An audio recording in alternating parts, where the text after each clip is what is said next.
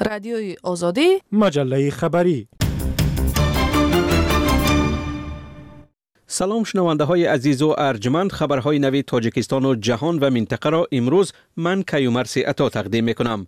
یک نماینده گروه 24 سازمان سیاسی فعالیتش ممنوع در تاجیکستان سه روز باز در شهر استانبول ترکیه بدرک است. مسئولان سازمان گفتند که نسیم جان شریفوی 39 ساله صبح 23 فوریه از جای زیستش به بیرون برآمد و با همین تماس با او قطع شد. ترکیه مکان زیست گروهی از مخالفان حکومت تاجیکستان است. مقامات آن کشور در گذشته چندی از فعالان گروه 24 را با درخواست دوشنبه دستگیر ولی دیرتر رها کرده بودند. نسیم جان شریفوف که از سال 2015 هم در ترکیه زندگی دارد. دست کم سه بار دستگیر و آزاد شده است. او سال 2018 هم زیاده از دو ماه را در بازداشتگاه گذراند. معلوم نیست که این دفعه نیز دستگیر شده است یا به مشکلی دیگری دچار شده. سهراب زفر رهبری گروه 24 می‌گوید در 48 ساعتی گذشته از نسیم جان شریفوف هیچ پیام نگرفتند ولی نوار دوربین های نظارتی را به دست آوردند. او روز 25 فوریه بر رادیو آزادی گفت شب ساعتی 10:45 وارد می شود پیدا کردیم بزن. نوار خورد دیدیم و صبح ساعتی 8:15 خارج می شود باید در ساعت 9 با یک کس واخری داشت. در بین همین 45 دقیقه نوپدید میشه یعنی ما تا حاضر.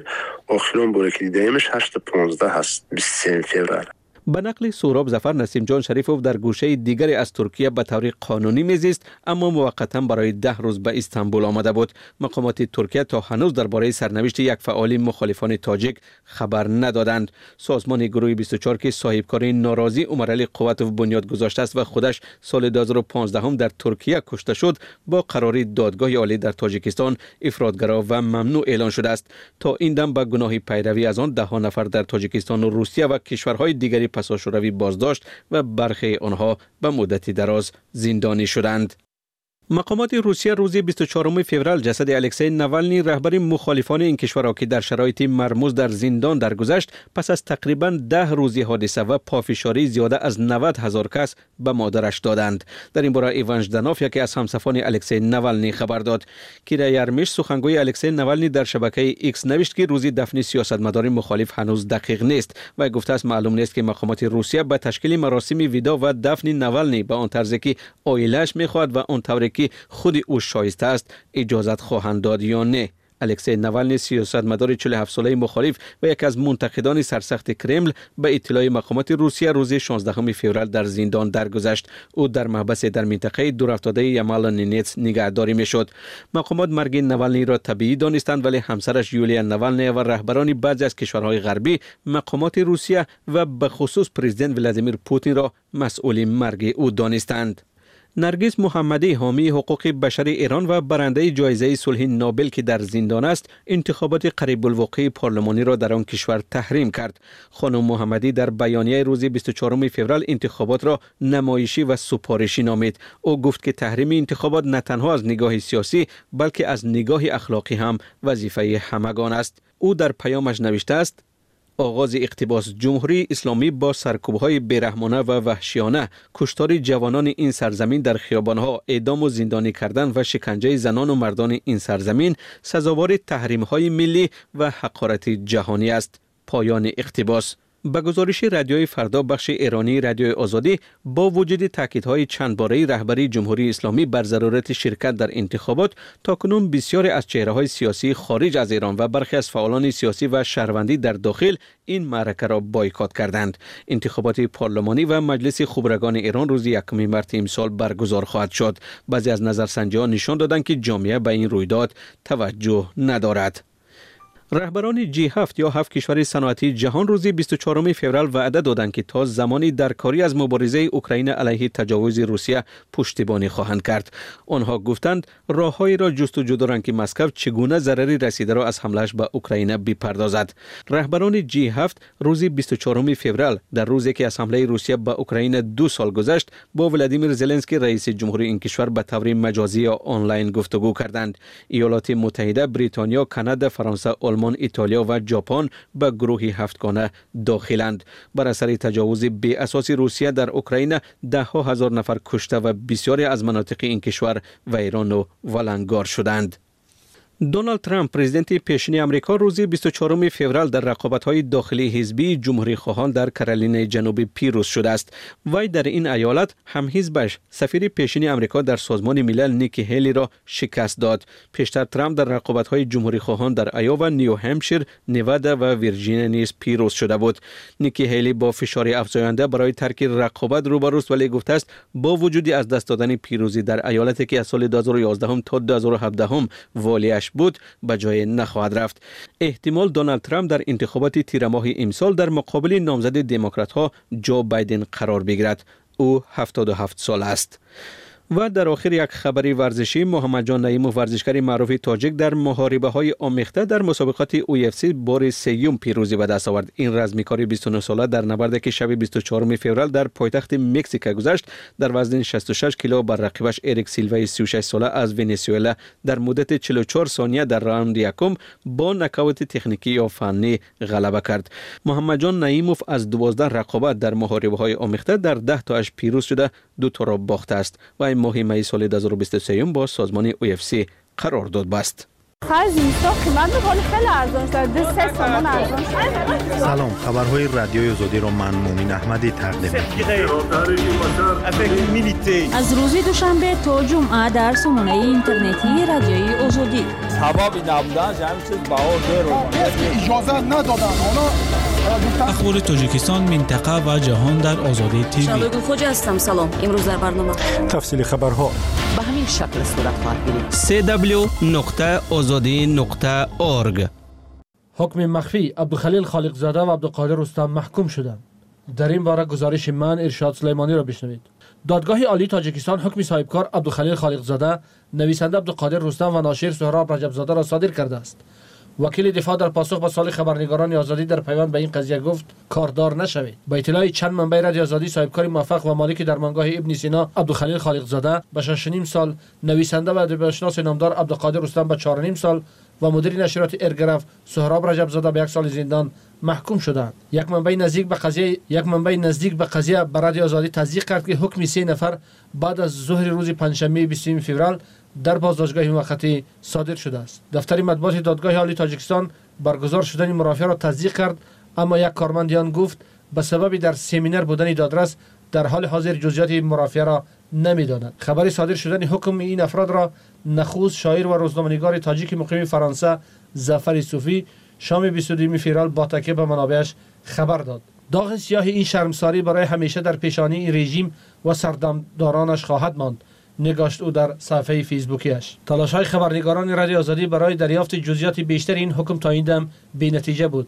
پیوندان عبدالخلیل خالقزاده عبدالقادر رستم سهراب رجب زاده و همچنین وکیل دفاع آنها صحبت با رسانه ها خداری کردند معلوم نیست آنها برای بازبینی حکم تلاش خواهند کرد یا نی. چاکرجان حکیم حقوقشناس تاجیک این حکم را با نظرداشت فعالیت محکوم شدگان خیلی سنگین دانید. با در نظرداشت ویژگی های فعالیت اینها یعنی رستم عبدالقادر و برادرای دیگر با چهار نیم سال و شش نیم سال محروم کردن از آزادی خیلی سنگین است. آنها به جامعه خطرناک نه کردار و رفتارشان در بیشتر در تشکل مثبت افکار جمعیتی آید به دولت داره مکمل کردن روندهای مناسبت های فرهنگی و اجتماعی بیشتر است که نه کمتر و غیره. بنابراین به نظر من این باعث نگرانی و ناراحتی نیز است. عبدالخلیل خالق زاده عبدالقادر رستم و سهراب رجب زاده در پیوند به نشر کتاب حوادث روزگار من و با گفته دادستان کل با دستور شخصی او دستگیر و محاکمه شدند. مؤلف حوادث روزگار من عبدالخلیل خالق زاده که همزمان مالک و مدیر بیمارستان ابن سینا است ماه اوگوست 2023 بازداشت شده بود. نویسنده و ادبیاتشناس شناخته عبدالقادر رستم را که دادستان کل محرر کتاب مینامد نیز در همان ماه دستگیر کردند دیرتر علیه مدیر نشریات ارگراف سهراب رجب زاده پرونده باز شد. کتاب حوادث روزگار من در همین جا نشر شده بود. مقامات کتاب یادداشتی را که در ماه مارس سال 2023 معرفی شد و در آن به فساد مهاجرت فضای ناخوب صاحبکاری و سطح پایینی فرهنگ و تعلیم در تاجیکستان اشاره شده است سبب برانگیختن کینه و عداوت ملی دانستند. نسخه های آن را از فروشگاه های کتاب برچیدند. بعضی از نمایندگان حکومت و طرفداران آنها مؤلف را به پس زدن نمایندگان محله های گوناگون تنقید کردند.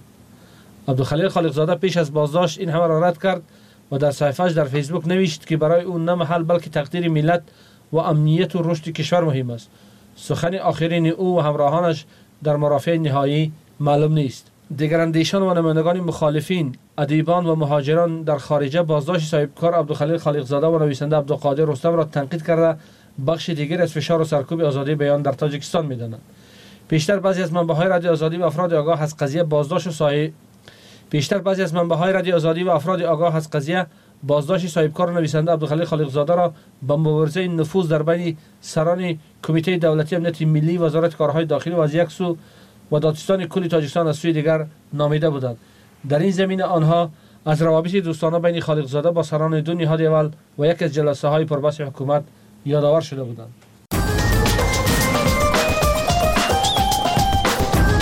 اندیشه و نظر خود را به رادیوی آزادی ارسال نماید. ایمیل ما تاجیک ات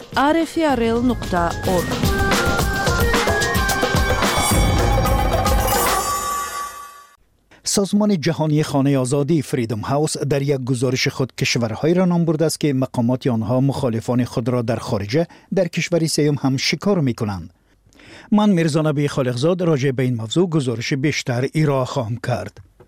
از سال 2014 تا 2023 فریدم هاوس در مجموع 1034 حادثه تعقیبی فراملی را ثبت کرده است که از جانب حکومت های 44 کشور در قلمرو 100 کشور خارجی صادر شده است. از روی شماری عمومی سرکوب ها در پنجگانه اول حکومت چین، ترکیه، تاجیکستان، روسیه و مصر قرار گرفتند. حامیان حقوق بر اینند که کشورهای خودکامه شوروی سابق یک بایگانی عمومی افراد مورد پیگرد را تشکیل کردند.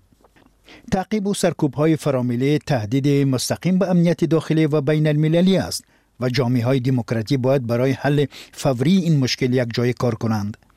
سازمان فریدم هاوس می نویسد ما جهانی را قبول کرده نمی توانیم که در آنجا برای روزنامه‌نگاران فعالان و دیگر آدمانی که رژیم های سرکوبگر را تنقید می کنند پناهگاه امن موجود نباشد. قابل ذکر است که قبلا دادستانی کل تاجیکستان معلومات تحقیقاتی را تصدیق کرد و گفت در سال گذشته بیش از 200 شهروند تاجیکستان با درخواست آنها استرداد شدند نشریه میدیا زانا نیز با انجام یک تحقیقات می‌گوید مخزن جستجو یا روی خط پیگرد وزارت کارهای داخلی روسیه ده ها سیاستمدار و منصبداران کشورهای گوناگون را فرا گرفته است. میدیا زانا تمام کارت های مورد جستجو را آموخته ترکیب ملی افراد مورد جستجو را معین کرد. از کشورهای آسیای مرکزی به ده نفر تحت پیگرد شهروندان ازبکستان و تاجیکستان و قرقیزستان شامل هستند. در همین حال اکثر کل ساکنان آسیای مرکزی که روسیه در فهرست جستجو جای داده است در وطنشان نیز تحت پیگرد قرار دارند. در سال 2022 شماره افرادی از خارج به تاجیکستان اخراج شده از 100 نفر کمتر بود. در بین آنها نامهای منتقدان و مخالفان حکومت تاجیکستان به چشم می‌خورند. се фаъол билол қурбоналиев абдулло шамсиддин ва низомиддин насриддиновро кишварҳои аврупоӣ ба дасти мақомоти тоҷикистон доданд.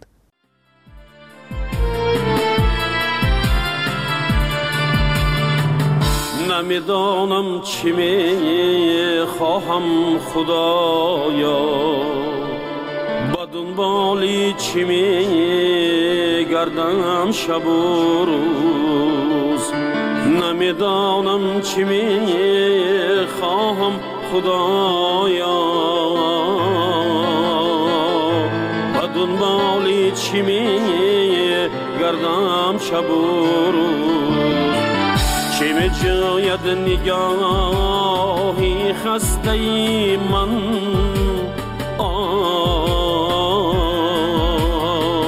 چرا افسرده است این قلب پرسوز چه می جاید نگاهی خسته ای من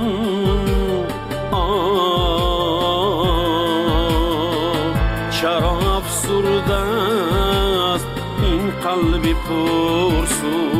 زی جمعی در تیرگی ها.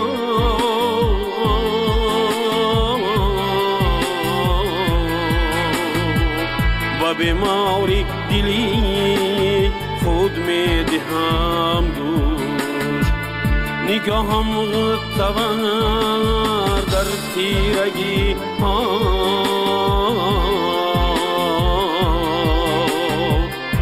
بیماری دلی خود می دهم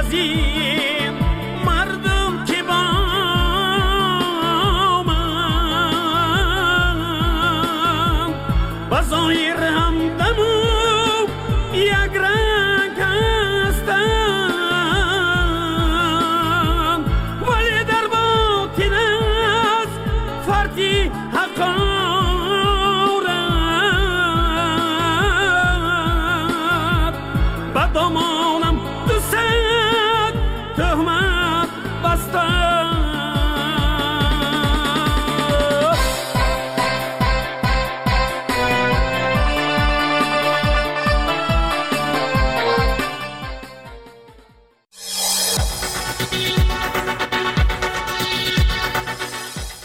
дар пайи интиқодҳо аз сатҳу сифати таълим дар муассисаҳои омӯзишии тоҷикистон мақомоти кишвар тасмим гирифтааст. Барои баррасии вазъ дар ин арса созмони байналмилалии писаро даъват кунад. Марҳилаи озмоишии ин баррасӣ моҳи апрели соли ҷорӣ оғоз мешавад. Мақомот мегӯянд арзёбии байналмилалӣ барои рӯшан кардани камбудиву бартариҳои ин соҳа зарур будааст. Дар чанд соли ахир мақомот مقامات و کارشناسان تاجیک وضع معارف تاجیکستان را شدیداً مورد انتقاد قرار می جزئیات جزیات موضوع را من اسکندر فیروز برایتان پیشنهاد می کنم. به گفته عبدالباسط شادینیا معاون اول رئیس مرکز ملی тестии тоҷикистон мақомоти кишвар тасмим гирифтааст. Барои арзёбии вазъи маориф коршиносони хориҷиро ҷалб созад. Ба ин хотир ба гуфтаи вай тоҷикистон қасд дорад ба барномаи арзёбии сатҳу сифати таълим дар кишварҳои ҷаҳон бо номи писа 2025 бипайвандад. Ин масъули маркази тестии тоҷикистон афзуд ки аз моҳи апрели соли ҷорӣ марҳилаи омӯзишии ширкат дар ин барнома дар шаҳри душанбе оғоз мешавад. Новаста аз он ки ин натиҷаҳо чӣ гуна мешаванд ҳатто натиҷаи баланд ҳам бошад хуб аст натиҷаи паст ҳам бошад хуб аст зеро дар асоси ҳамин натиҷаҳо мо метавонем э, қарорҳои дуруст қабул кунем ҷиҳати э, пешрафти ҳамин соҳа. Абдулбосит шодиниё афзуд ки барномаи писа аз сӯи созмони ҳамкории иқтисодӣ ва рушд иҷро шуда дар арзёбии сатҳи маорифи он беш аз сад кишвари ҷаҳон шомил шуданд вай афзуд ки коршиносони хориҷӣ дар ин арзёбӣ дар тоҷикистон ширкат намекунанд. Таҳияву ҷамъоварии пурсишномаҳоро миёни шогирдон ва устодони муассисаҳои таълимӣ маркази миллии тестӣ анҷом медиҳад.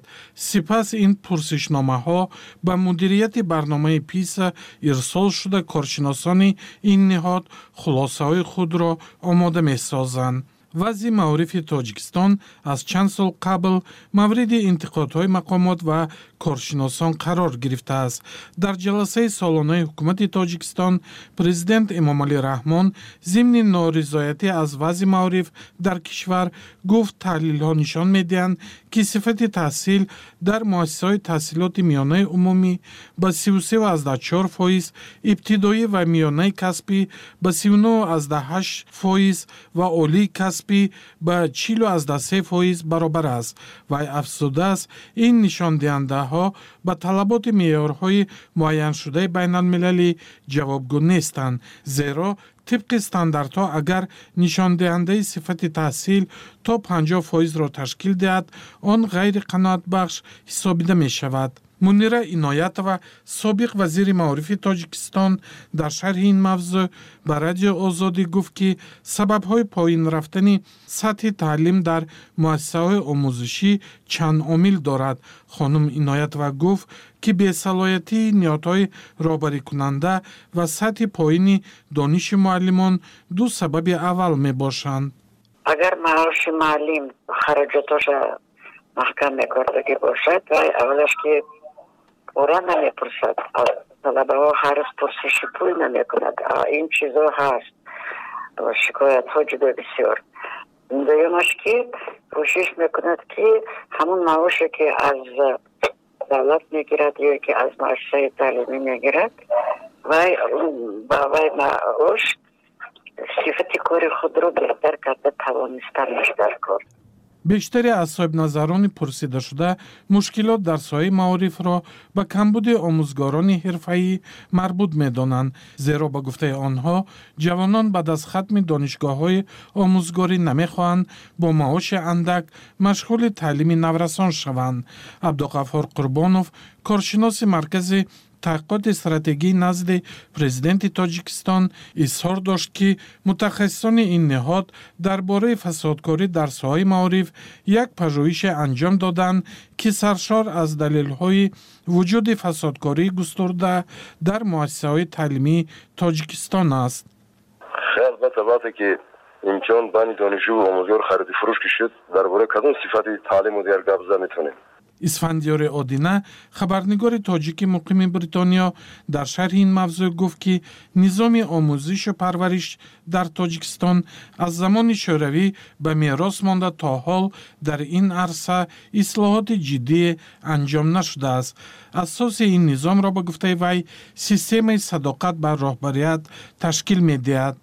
Албатта системи маориф ё омӯзишу парвариш дар тоҷикистон бисёр ақаб мондааст. Ҳанӯзам از همون روش ها و مکانیزم های دوران شوروی استفاده می‌کنند و تجدید و یا اصلاحات جدی در این عرصه انجام نشده است. خصوص سیستم کادری سیستم صداقت سالار است. اونجا بیشتر کسای به منصب های و سمت های وزارت معارف انتصاب میشن که صادق هستن برای رئیس جمهوری یا از خشونده یا از محل خودش هستند исфандиёри одина афзуд дар натиҷа соҳаи маориф рушд намекунад. Ба гуфтаи вай ҳама мебинанд ки ҳатто агар дар донишгоҳ таҳсил бикунӣ боз ҳам бо гирифтани диплом озими муҳоҷирати корӣ ба русия мешавӣ. Ҳанӯз ҳам системаи маорифи тоҷикистон мисли ҳамон системаи калхозии шӯравӣ боқӣ мондааст дар ҳамин ҳол вазорати маориф ва илми тоҷикистон дар сомонаи расмии худ хабар додааст ки дар соли гузашта барои рушди соҳаи маориф аз буҷети тоҷикистон 7 миллиарду 210 миллион сомонӣ ихтисос шуда буд. Имсол бошад ин рақам дар ҳаҷми 1 миллиарду 21 миллион сомонӣ бештар шудааст. Ин рақам муодили 87 дарсади ҳаҷми умумии хароҷоти буҷет ва 57 дарсади маблағи тавлидоти нохолиси миллии тоҷикистон баробар мебошад дар маркази миллии тестии тоҷикистон гуфтанд ки то ҳол арзёбии муқоисавии вазъи маорифи тоҷикистон дар муқоиса бо кишварҳои дигар вуҷуд надошт. Ба ин далел мақомот аз камбудиҳо ва дастовардҳои ин соҳа иттилои саҳеҳ дар даст надоштанд. Ба гуфтаи абдулбосит шодиниё арзёбии писа 2025 чунин холигиро рафъ хоҳад кард شاهد حادثه شدید منظره جالب را دیدید و یا خبری مهم شنیدید؟ از راه آسان و امن با رقم تلگرامی ما. کد 420 724 053 و 959 فرستید.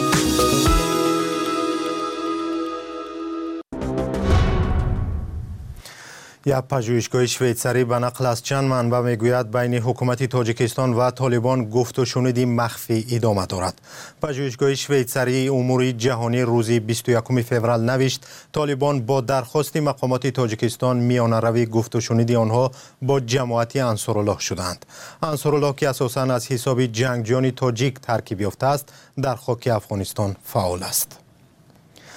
Ҳамкори мо каюмарсиятҳо ин мавзӯъро таҳқиқ кард ва дар студия бо мост کیومرس این ملاقات کی و در کجا صورت گرفته است؟ سلام عبدالمومین طبق این گزارش که ما دیدیم مذاکرات اول بین نمایندگان تاجیکستان و حاکمان نوی افغانستان روز 8 نوامبر سال 2023 صورت گرفته است. به نقل منبعهای پژوهشگاه شویتسری امور جهانی آن روز یک هیئت طالبان تحت سروری رحمت الله نجیب معاون دوم پلیس مخفی طالبان وارد تاجیکستان شده و در یک مکان نامعلوم صحبت کردند. هیئت تاجیکستان در این گفتگو از مقامات طالبان در خصوص کرده است که اعضای گروه انصار الله را به آنها بدهند اما در پایان دو جانب به سازش رسیدند که طالبان گفت و شنیدی مقامات تاجیکستان را با سران جماعت انصارالله سازمان دهند حتی روی خط اعضای انصار الله و مکان دقیق زیست آنها را در افغانستان دادند. طالبان آن را غیر قابل اجرا دانست. نقل کرده است یک عضو آگاهی طالبان به پژوهشگاه شوئیسری یک منبع رادیو آزادی در نهادهای تاجیکستان در امور مبارزه با تروریسم هنوز 8 ینور امسال احتمال جریان یافتن چنین گفت و را میان مقامات تاجیکستان و طالبان در صحبت با ما تصدیق کرده بود. او گفته بود که هرچند انصارالله را یک نیروی کلان و تهدید بزرگ به امنیت کشور نمی‌دانند برای برطرف کردن آن با طالبان گفتگو دارند و این همصحبت ما گفته بود که این کار به خاطر امنیت کشور صورت می‌گیرد. جماعت انصارالله یک سازمان افراطی است که از 200 تا 300 نفر جنگجو دارد. بعد به گفته مقامات تاجیکستان و اکثرا زادگان تاجیکستان هستند و یا کشورهای دیگری آسیای مرکزی. طالبان بعد از گرفتن حکومت در افغانستان نظارت بخشی از سرحد را به اختیار این گروه داده بودند. کیمرز در این ملاقات ها که شما مطلب را خواندید دایر به کدام موضوع صحبت شده است؟ یعنی دست کشیدن از تهدید ба тоҷикистон ё чизи дигар? Аввал гӯем ки мулоқоти аввали толибон бо аъзои ансуруллоҳ ба навиштаи пажӯҳишгоҳи шветсарӣ э, дар моҳи декабри соли 2023 ва мулоқоти дуввуми онҳо дар моҳи январи соли 2024 сурат гирифтааст дар ин нишастҳо ба гуфтаи манбаъҳои пажӯҳишгоҳи шветсарӣ аъзои ансуруллоҳ пешниҳоди оштиро бо ҳукумати тоҷикистон комилан рад карданд э, ва дертар э, баъд аз мулоқотҳои дуввуми севум пас аз талошҳои чандсоати толибон аъзои ансуруллоҳ дар ниҳоят маҷбур шуданд که موقع خود را تو اندازه نرم کنند. آنها اعلام داشتند که با حکومت تاجیکستان مذاکره خواهند کرد اما تنها پس از اجرای چند شرط. به گزارش پژوهشگاه شویتسری اعلان حکومت اسلامی خروج سربازان روسیه از خاک تاجیکستان رهایی اعضای زندانی انصارالله و هم تشکیل مدرسه های دینی از جمله شرط های انصارالله بوده است. در پی مذاکرات به گفته منبع همین پژوهشگاه بسیار هم سخت انصارالله در نهایت راضی شده است که به مذاکرات با تاجیکستان تنها یک شرط پیشنهاد کند و آن هم خروج نظامیان روسیه از خاک تاجیکستان است.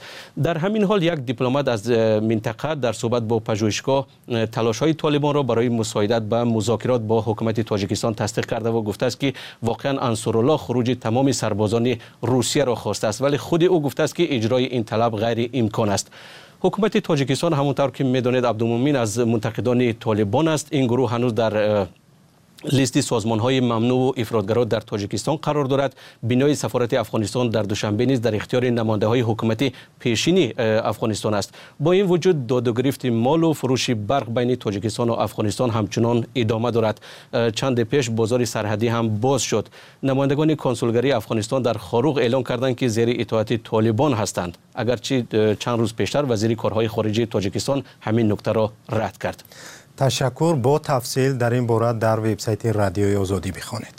Салом агар хату хабар мехоҳед мо дорем. Навиди бомдодӣ сархати хабарҳо ахбори тоҷикистон ва ҷаҳон гузоришҳо ва таҳлилҳо. Чӣ мегузарад ва чаро? Донистан фаҳмидан аст. Замима ё апи моро бигиред یک دختر فوتبال باز از تاجیکستان تلاش دارد به یکی از تیم‌های فوتبال ایالات متحده آمریکا شامل شود. مدینه فاضل و کاپیتان دسته منتخب فوتبال زنانه تاجیکستان است. او 28 سال دارد و از این 17 سالش را در فوتبال سپری کرده است. در این باره من مولا رجب یوسفی گزارش می‌دهم. مدینه زمانی که همگی 11 سال داشت شامل دسته لاستاچکای دوشنبه شد. مشق تمرین‌های خود را در سن 11 سالگی یعنی شروع کردم. اولین مرتبه وقتی که من به ورزشگاه رفته بودم در خاطرم هست بسیار هم کوشش می‌کردم که در بین دخترکان از همه خوبتر بازی کنم و شوق و رغبت زیاد هم داشتم مدینه فاضل و سال 2014 در صحبت به رادیوی آزادی گفته بود